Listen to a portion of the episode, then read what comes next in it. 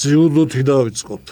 წინაკვირის ბოლოს ხომ თბილისი იყო გრანსლემის მასპინძელი. ამ პარასკევს შაბათსა და კვირას იცით რომ თურქეთში ანტალიის სტატონზე ასპარეზობენ სოფლიოს ცნობილი ძიუდოისტები და როგორც ყოველთვის სპორტული ჟურნალისტი გიორგი ჭანიშვილი გავაცნობს საინტერესო ინფორმაციებს. მოგესალმებით. 420 სპორტსმენი მონაწილეობდა თბილისის სლემზე და ანუ საკმაოდ წარმომადგენლობის ტურნირი გამოვიდა მთლიანობაში. ჩვენი გუნდის მონაგარი არის ჯამში 6 მედალი, სამი ოქრო, ორი ვერცხლი და ერთი ბრინჯაო. თბილისის გრანსლემის ჩემპიონები გახდნენ 90 კილოგრამში ლაშა ბექაური, 100 კილოგრამში ილია სულამანიძე და მძიმე წონაში გელა ზაალიშვილი. ლაშამ და ილიამ მოიგეს პირველად თბილისის დიდი სლემი, რაც შეეხება გელა ზაალიშვილს, მან ესეთი რეკორდი დაამყარა შეიძლება ითქვას ZDZ მესამედ მოიგო თბილისის დიდი სლემი და დააგვირგვინა ჩვენი ძალიან ძლიერი გამოსვლა ტურნირის ბოლო დღეს. ვერცხლის პრეზიდენტები გახდნენ. ლუკა მაისურაძე 90 კილოგრამში, ამ წონაში იცის უშემოწმება ქართული ფინალი გამართა ერთმანეთს შეხვდნენ ლაშა ბეკაური და ლუკა მაისურაძე და ლუკას დარჩა ვერცხლის მედალი, ასევე ვერცხლის პრიზიორი გახდა 60 კილოგრამში გიორგი სარდალაშვილი. და კიდე ერთი ბრინჯაოს მედალი 73 კილოგრამში ჩვენმა ლეგენდარულმა ძიუდოისტმა მოიპოვა ლაშა შავტოთუაშვილმა და თავის უნიკალურ კოლექციას აი ეს მედალიც მიუმატა. მისი მე-14 მედალი არის ეს გრანდსლემის ტურნირებზე. ნუ ლაშას ტიტულები იტალიან შორს აგვიყვანს, ასე რომ კარიერა ლაშამ შეძლო ამ ტურნირზე მედლის მოპოვება. და რასაუბრია გუნდური პირველი ადგილი მედლების რაოდენობით, ანუ სამი ოქრო, ორი ვერცხლი, ერთი ბრინჯაო, ეს გახლავთ საუკეთესო შედეგი გუნდებს შორის, ვინც მიიღო მონაწილეობა ამ ტურნირზე.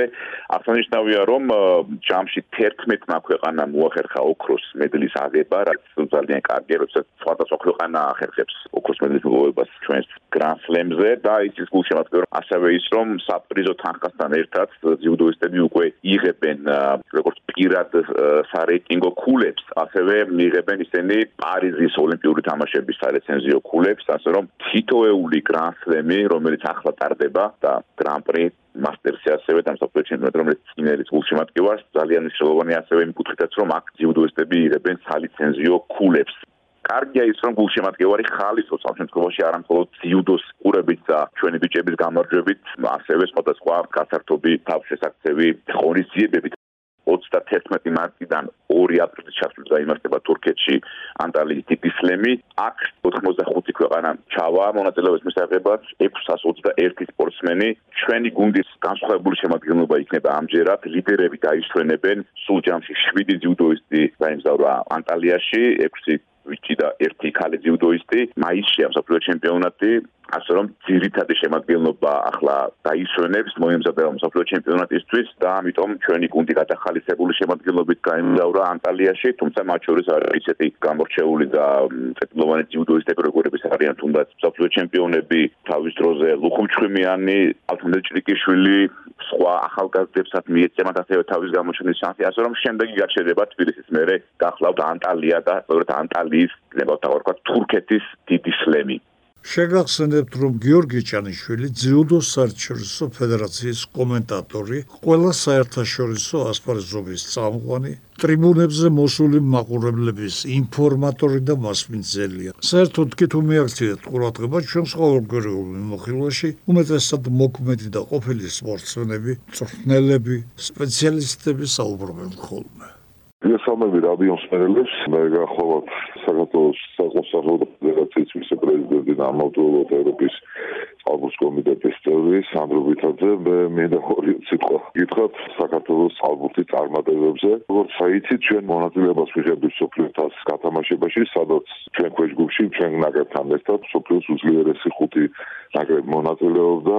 მე ნამდვილად დააღნიშნე ჩვენი ნაკრების წარმატებული თამაში პირველ მატჩი მონტენეგროს ნაკრებთან. ერთი ბურთით დაუმარცხეთ ეს მასპინძლებთან ისიც ბოლო 8 წამზე გავიტანეს ეს გოლი. შემდეგ ავსტრალიის ნაკრები დამაჯერებლად მოგებლად დავამარცხეთ მინდა თქვა თავისი მსაჯებიანად და სენსაცია რაც მოხდა მსოფლიოს თასის გათამაშებაში ჩვენ დავამარცხეთ ზედიზედ ოქზის ოლიმპიური ჩემპიონი მოქმედი ოლიმპიური ჩემპიონი მსოფლიოსა და ევროპის მრავალგზის ჩემპიონი სერბეთის ნაკრები და ნამდვილად ეს გამარჯვება არ იყო შემთხვევითი.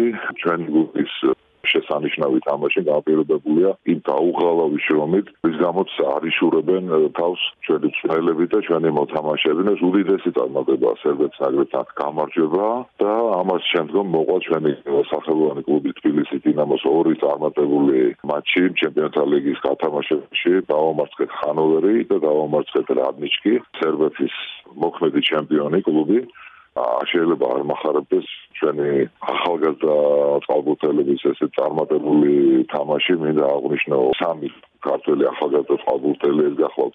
ესო ახლებიანი საბათ ყეშელაშვილი და გიორგი კირიაკიძე ეს ბიჭები ნაკრებში კი არ აიყვანეს ეს შემოვარდნენ ნაკრებში უდიდესი მომავალი აქვს ამ ბიჭებს.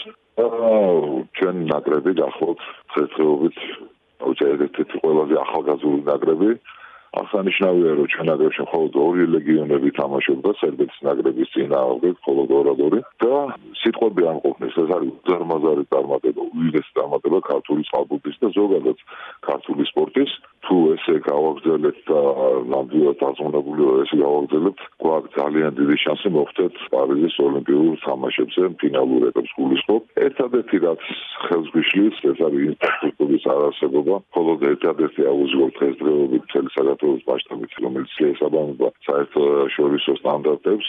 ეხლა სასახარულო ინფორმაცია სადღაც სექტემბრისთვის სავარაუდოდ გაიხსნება ქუთაისში საერთაშორისო სტანდარტების აუზი და მე მივეცხოვ ყველას ვისაც ეს ეხება. თუ არის საშუალება ავაშენოთ აუზები სხვა რეგიონებში ავაშენოთ ზუგდიდში ავაშენოთ ზუგდიდში ავაშენოთ თელავში ავაშენოთ. მე საერთაშორისო სტანდარტების აუზის გულისხმობ ბათუმში საგარეჯოში ყველგან აბსოლუტურად ყველგან და თუ ინფრასტრუქტურა გვექნება სხვა რეგიონებში მე დაწუნებული ვარ სადღაც 10 წლის განმავლობაში ჩვენ გვაქვს რეალური შანსი სოფლიოს ევროპის ანალოგიური თამაშების მეძლებისთვისაც კი ვიბრძოლოთ მინდა დიდი მადლობა გადაგიხადოთ თქვენ მოწვევისთვის და საშუალების მოცემისთვის რაც ხელში უწყობს ქართულ წყალბურთს განვითარებას დამაიმედებელი ინფორმაცია გაგვაცნო ალექსანდრე ბითაძემ, თანაც აუზები ხომ არა მარტო წყალბურთელებს სასაჭიროებად. პოლოსკი ფეხბურთი და ბათუმიდან ჩვენი მიმოხილველი გიაცანავა, ბათუმის დინამოს ოფილი ფეხბურთელი. ალბათ გახსოვთ, რომ ერთი კვირის წინ ესპანეთსა და ნორვეგიის მატჩს ვისაუბრეთ და გიაცანავა ბათუმში საქართველოსა და ნორვეგიის რთული თამაშით ივარაუდა. მოგესალმებით, მივესალმები ჩვენს რადიო მსმენელებს. ჩვენი საუბარი მინდა დავიწყო პირდაპირ საქართველოს ნაკრებისა და ნორვეგიის ნაკრების მატჩით. თამაში დაძაბული და ჟიბე გამოდგა ჩვენი ნაკრებისთვის, იმიტომ რომ სიმართლე გითხრათ, პირველი ტაიმი ჩვენ ვერ ვითამაშეთ. დასამალე არაფერია. პირველი ტაიმი ჩვენ ჩაგვივარდა. მე ვფიქრობ, რომ უფრო ნერვიულობის მომენტი იყო. პირველ ტაიმში ძალიან გვიჭირდა. ბურჯე კონტროლი საერთოდ დაგვეკარგა. მიუხედავად იმისა, რომ ჩვენი ფეხბურთელები კლასით არანაკლები არიან, თუ მეტი არა, ვიდრე ნორვეგიის ნაკრების ფეხბურთელები, მაგრამ ფეხბურთი ხდება ასეთი მომენტები, როცა ფსიქოლოგიურად ვერ განეწყობი და თამაშის დროს ხდება ძალიან ბევრი წუნი. ამან იჩინა თავი პირველი ტაიმი ასე თუ ისე ჩავამთავრეთ ჩვენ წავაგეთ 0-1 და მეორე ტაიმში სულ სხვა ნაკრები ვიხილეთ, სულ სხვა შემართებით, სულ სხვა მონდომებით და რაც თავარია კონცენტრაცია იყო ისეთი რომ ჩანდა თამაში ჩვენი უპირატესობით წარიმართებოდა როგორც კი მეორე დაიმი დაიწყო აი იმ წუთებიდანვე. საუცხოოდ ლამაზი გოლი გავიტანეთ მიხაუტაძე წინვალეთში ასრულა. მე ვფიქრობდი რომ მიხაუტაძე კარგი ფორვარდია მაგრამ ისეთი რაღაცები დავინახე ამ თამაშზე მაშინ რომ ნამდვილად აქამდე შემჩნეული არ ქონდა თუნდაც ისტრაფე საიდან გაასწრო როგორ გარბოდა და რამდენით მოუგო მე იმ დამცველს, რომელიც ძალიან კაი დამცველი იყო და მე მგონი მეორეც მოსდებდა იმას და ახლოსაც ვერ მიეკარენ და გაატანა ბრანგარიში ამის შემდეგ კიდევ ქონდა კაი მომენტი, მაგრამ მოგესალმებათ ფეხბურთში, რასაც დაარტყამ ყველაფერი კარში. არ ხდება და არ გადის, ასე რომ იყოს, ალბათ ფეხბურთიც არ იქნებოდა ასეთ საინტერესო მიმწვიდველი და დაძაბული. ფრე ვითამაშეთ, თუმცა აქ საგანგაშო რა თქმა უნდა არაფერია, ერთ გარემოებას მინდა კიდევ ხაზი გაუსვა, რომ წინა ჩართვაზე ჩვენი საუბრის დროს მე ვთქვი, რომ მიუხედავად იმისა, რომ ნორვეგიელებმა 3-0 წააგეს ესპანეთში, სულ არ მოწმობდა ანგარიში იმ თამაშის ხარისხს ნორვეგიელების მხრიდან, რომ ისინი სუსტები არიან და ნამდვილად არის ახურებდნენ 3-0 საგებას და თამაშიც რაღაც გარკვეულ მომენტებში და შეიძლება უფრო მეტ მომენტებში უკეთესი პირობები შეიქმნეს იმისთვის რომ გოლი გაიტანა. მაგრამ გოლი ვერ გაიტანეს იქ მე ვფიქრობ რომ ამაზე მე დიდი დავა იყო 11 მეტრიანიც იყო რომელიც საჯმარ დანიშნა და სამწუხაროდ არ ვიდეო არბიტრა დააფიქსირა ეს და იყო ისეთი რაც ნორვეგიის მხარეს არიხლებოდა თამაშის მიმდინარეობის პროცესში. მე თუ გახსოვთ თქვი რომ ჩვენ ძალიან თული თამაში გველის და ასე არ არის რახან სახში თამაშობდა სახლის თამაში გვაქვს აუცილებლად ნორვეგიას დავამარცხებდით ყველაფერი წინა. ჯგუფი რომ ძალიან ძლიერია ეს კიდევ გამოჩნდა იმით რომ შოტლანდიაში წააგო ესპანეთმა. ხდება ისეთი რაღაცები რომელიც ერთხელ კიდევ მიგვანიშნებს იმას რომ მეგმურთის თამაში ეს უკვე გაცდა ეს ფრაზა რომ ყველა მისწავლა და არ არსებობს. იოლი მოწინააღმდეგე და ყველა გამოდის მოსაგებად და ძალიან ხშირად ეს შედეგი მიუხედავად კლასის ხოვებისა გუნდებისა პირიქით თავდება ანუ უფრო სუსტი იგებს და ძლიერი ვერ იგებს. ხდებოდა ფეხბურთში და კვლავ მოხდება და მით უმეტეს საოცარი პროგრესი აქვს იმ გუნდებს, რომლებიც ფეხბურთო ქვეყნებია და და დარწმუნებული ვარ, რომ ამ საგზურისთვის ყველა ბოლომდე იბრძოლებს. ამიტომ ყველაფერი წინა ის რაც ჩვენ გვინდა რომ ისე იყოს, როგორც ჩვენ წარმოგვიდგენია და რა თქმა უნდა წარმატება უსურო ჩვენს ბიჭებს, არაფერი კიდევ ერთხელ ვიმეორებ, არ მოხდარა სასწაული.